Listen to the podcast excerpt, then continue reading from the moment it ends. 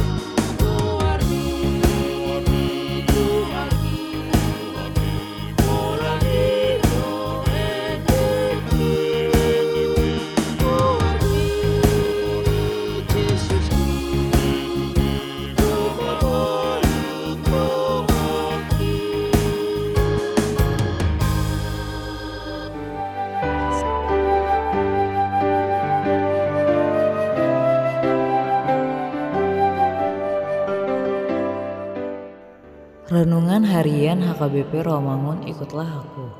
Selasa 30 Mei 2023 Dengan judul Berseru kepada nama Tuhan. Bacaan kita pada pagi ini tertulis dalam 2 Timotius pasal 4 ayat 9 hingga 22 Bacaan kita pada malam ini tertulis dalam Roma pasal 8 ayat 18 hingga 21 dan kebenaran firman Tuhan yang menjadi ayat renungan kita hari ini tertulis dalam kisah para rasul pasal 2 ayat 21 yang berbunyi dan barang siapa yang berseru kepada nama Tuhan akan diselamatkan. Demikian firman Tuhan. Sahabat ikutlah aku yang dikasihi Tuhan Yesus.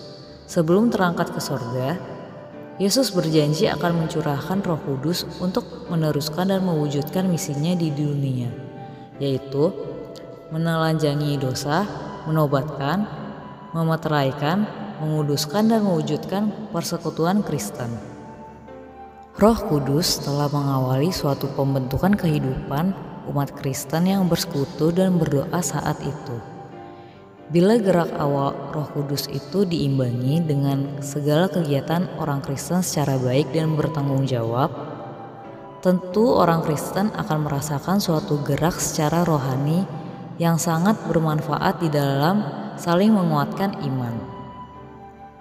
Namun, kenyataannya yang ada saat itu justru banyak yang timbul perselisihan karena kesalahpahaman yang mempertentangkan dan membatasi kehadiran Roh Kudus.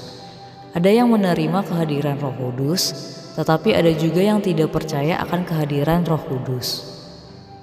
Dengan menerima kuasa Roh Kudus dalam hidup kita, maka kita akan melubur bersama firman-Nya, agar di setiap aktivitas yang kita lakukan sehari-hari semata-mata adalah perbuatan untuk menjadikan kehendak Tuhan dan kemuliaan nama Tuhan.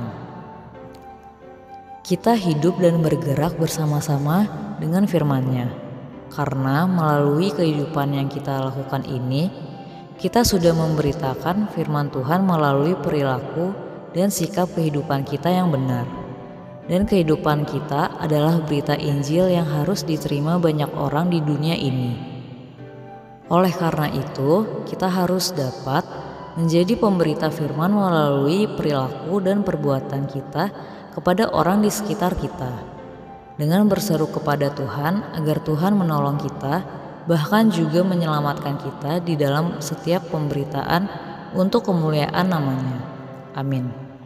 Marilah kita berdoa.